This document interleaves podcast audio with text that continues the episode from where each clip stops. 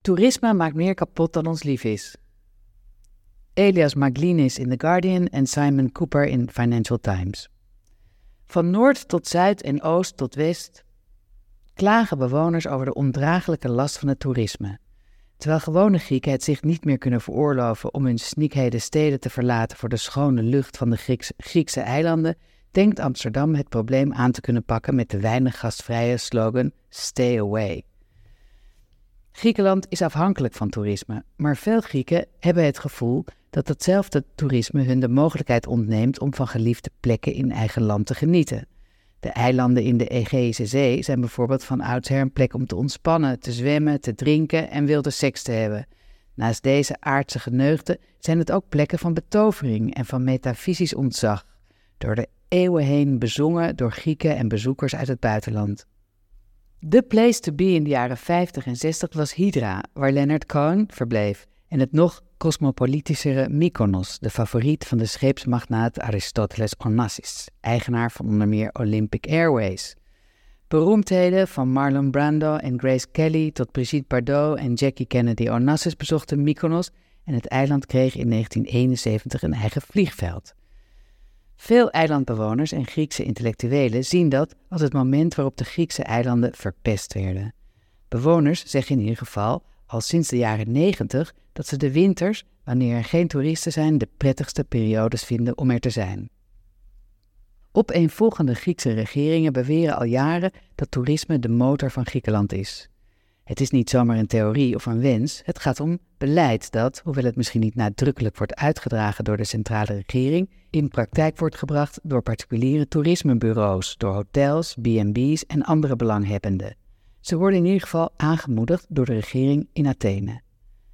Na de economische ineenstorting van begin 2010 werd dat versterkt. In 2019 trok Griekenland ongeveer 31 miljoen bezoekers tegenover 24 miljoen in 2015. Na de pandemie, toen de beperkingen door het coronavirus wegvielen, zagen sommige eilanden in de Egeïsche Zee een verbazingwekkend snel herstel van het toerisme.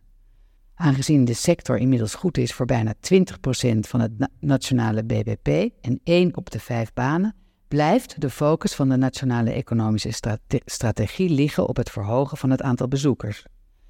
Maar het Griekse vakantieseizoen van 2023 zal door velen herinnerd worden als de hel, met de aanhoudende hittegolf in juli en de bosbranden op Evia, Corfu, Rhodos en andere eilanden, waar sommige vakantieoorden veranderden in puin en as. Duizenden toeristen moesten vluchten of werden geëvacueerd. De schade aan de natuurlijke omgeving is groot. Hoe hoog de kosten zijn voor de lokale gemeenschappen en het toerisme zal nog moeten worden berekend. Zal deze zomer met extreme temperaturen en bosbranden de idylle van de eilanden in de Egeïsche Zee voor de Grieken aantasten, terwijl de klimaatcrisis toeristen van elders tegelijkertijd dwingt om de aantrekkelijkheid van een zonvakantie te heroverwegen en in plaats daarvan bijvoorbeeld naar Denemarken of Ierland te gaan? Het valt te betwijfelen. De aantrekkingskracht van de kale, rotsachtige Cyclade, waar bomen schaar zijn en bosbranden zeldzaam, zou zelfs wel eens kunnen toenemen. Maar al voor deze helse zomer was een goedkope, spontane augustusvakantie op de Griekse eilanden al onbereikbaar geworden voor veel gewone Grieken van het vasteland.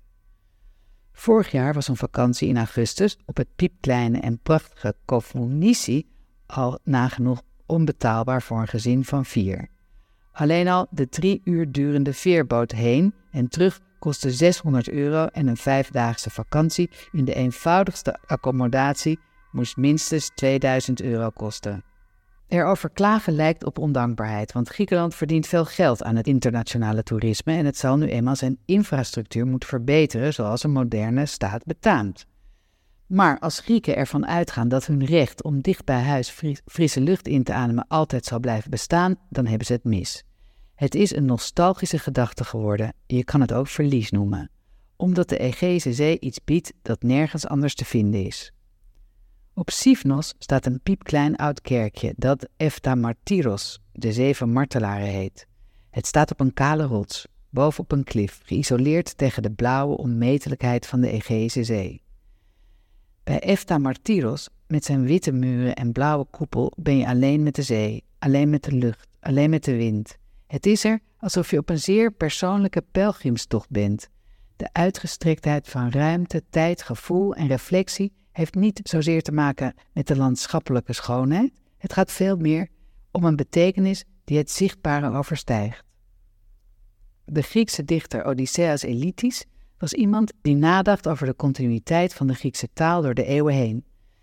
Het moderne Griekse woord voor zee, zei hij, is thalassa, en dat is precies hetzelfde woord als in de tijd van Homerus werd gebruikt.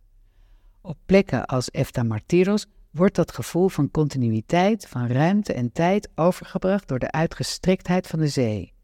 Het woord en het zeegezicht lijken oneindig. Ze zijn van voor onze tijd en ze zullen er nog lange tijd zijn als wij niet meer bestaan.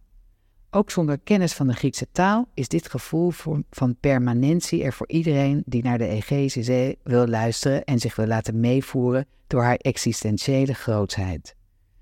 In een wereld die uit balans is, hebben we meer dan ooit de vrijheid nodig om onszelf van tijd tot tijd in de Egeïsche Zee te kunnen verliezen. Sommigen zullen daartoe nog steeds pogingen kunnen ondernemen, op voorwaarde dat ze een jaar van tevoren beginnen met het plannen van een verblijf in augustus en dat ze het feit accepteren dat ze de hoogste tarieven zullen moeten betalen, omdat het de moeite waard is, ook als ze zich het niet kunnen veroorloven. Wel beschouwd zullen Efta Martyros en, en het unieke gevoel erbij te horen en ernaar te verlangen altijd onbetaalbaar blijven. Simon Cooper in The Financial Times. Ze staan grijnzend voor de poorten van Auschwitz voor een selfie. Ze duiken in de Trevi-fontein in Rome. Een man kerft zijn naam en die van zijn vriendin in een 2000 jaar oude bakstenen muur van het Romeinse Colosseum. Een Russische influencer wordt samen met haar man het land uitgezet omdat ze een naaktfoto van zichzelf heeft gepost voor een heilige 700 jaar oude banyanboom. Allemaal dragen ze bij aan klimaatverandering en aan de huidige hittegolf die een groot deel van Zuid-Europa teistert. Transport van toeristen is verantwoordelijk voor 5% van de wereldwijde uitstoot en stijgt nog steeds. Iedereen klaagt over toeristen, maar nu, misschien wel voor het eerst, zijn een paar Europese steden met Amsterdam voorop begonnen er iets aan te doen. De kortstondige ervaring van rust tijdens de lockdowns zonder toeristen was de aanzet tot verandering. Gaandeweg beginnen steden zich te verzetten tegen het kapitalisme van het toerisme en proberen ze de economische geschiedenis om te keren.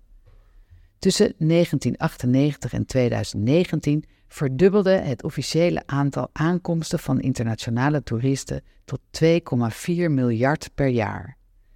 Die stijging wordt toegejuicht door de lokale toeristenindustrie en de marketingafdeling voor toerisme van de overheid. Maar de meeste inwoners van populaire steden moesten ondertussen leidzaam toezien. Hen was niets gevraagd. De toename was vooral acuut in een paar Europese steden. Vanaf de jaren 90, toen de meeste steden mooier en veiliger werden en goedkope vluchten en internationale treinverbindingen als paddenstoelen uit de grond schoten, werden korte tripjes naar deze plekken de norm. Stedentrips gaan het hele jaar door en nemen sneller toe dan traditionele zon- en strand- of rondreisvakanties, al dus Kerstin Bok van de Vrije Universiteit Berlijn. Om een extreem voorbeeld te noemen, in Barcelona steeg het aantal hotelgasten van 1,7 miljoen in 1990 naar 9,5 miljoen in 2019. Dat is exclusief de Airbnb's, dat is exclusief de Airbnb's die woonruimte onttrekken aan de lokale woningmarkt. De vraag is: wat kunnen we eraan doen? Opzettelijk het toerisme terugdringen is een moedige stap, maar het is de vraag of dat haalbaar is in een wereld waarin miljarden nieuwe reizigers staan te trappelen. Maar als er één Europese stad voor oploopt in het afwijzen van toeristen, dan is het wel Amsterdam. De omstandigheden voor deze stad zijn er dan ook gunstig voor. Van 1995 tot 2019 groeide de regionale economie van Amsterdam met 132 procent. Relatief weinig daarvan kwam van toerisme. De drijvende krachten achter de groei waren informatie, communicatie, inclusief IT, financiële en zakelijke diensten. Die house zet nog steeds door en lokale bedrijven hebben het al moeilijk genoeg om personeel te vinden, ook zonder een overspannen toerismesector. Veel restaurants, coffeeshops, bordelen en andere werkgevers moeten arbeidsmigranten importeren. Ondertussen wordt de grachtengordel, het centrum van Amsterdam waar de meeste toeristische bestemmingen liggen, vooral bewoond door rijke mensen die er niet op zitten te wachten dat hun nachten worden verstoord door lallende toeristen op bierfietsen. Inwoners willen ook andere winkelmogelijkheden dan op toeristen gerichte Nutella-winkels. De stad heeft geprobeerd om toeristen te spreiden, maar dat heeft de trek naar de stad niet verminderd. Amsterdam verwelkomde, als dat de juiste term is, in 2010 5,3 miljoen hotelbezoekers. In 2019 waren dat er 9,2 miljoen, exclusief de miljoenen die in Airbnb's overnachten. In 2021 stelde het stadsbestuur een maximum in van 20 miljoen bezoekers per jaar. Maar volgens prognoses wordt dat dit jaar al overschreden. Vooral Chinese toeristen zijn nog maar net de pandemische beperkingen te boven. Als er niets wordt gedaan, zal het bezoekersaantal in 2024 waarschijnlijk hoger zijn. En dus komt Amsterdam in actie. De stad wil haar verouderde imago van goedkope pretstad afschudden en zich profileren als culturele bestemming. In de Rosse buurt, waar bepaalde hotspots werkelijk door 900.000 voetgangers worden bezocht, hebben de autoriteiten honderden ramen van sekswerkers gesloten en moeten cafés en bordelen nu eerder sluiten, om drie uur ochtends in plaats van om zes uur ochtends. Het roken van wiet op straat is in het stadscentrum verboden. De stad hoopt ook een aantal hotels om te bouwen tot woningen en kantoren.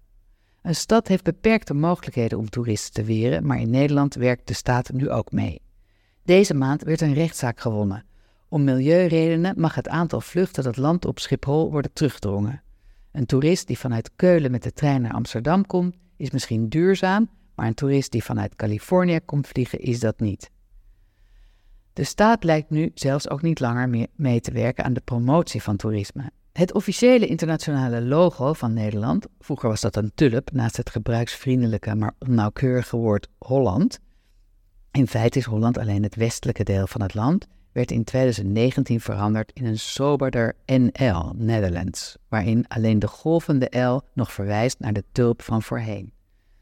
Een traditioneel symbool met tulpen is te veel verbonden met toerisme en souvenirs, liet een van de ontwerpers van het logo weten. Voor wie nog twijfelt aan de wens van Amsterdam om veranderingen tot stand te brengen, is het zaak om eens te kijken naar de nieuwe reclamecampagne van de stad, Stay Away. De campagne is in eerste instantie gericht op jonge Britse mannen. Als een lid van die doelgroep googelt op een term als vrijgezellenfeest Amsterdam, krijgt hij wellicht de video te zien van een dronken man die wordt gearresteerd voorzien van het motto: Dus jij komt naar Amsterdam om de boel op stelte te zetten? Stay away.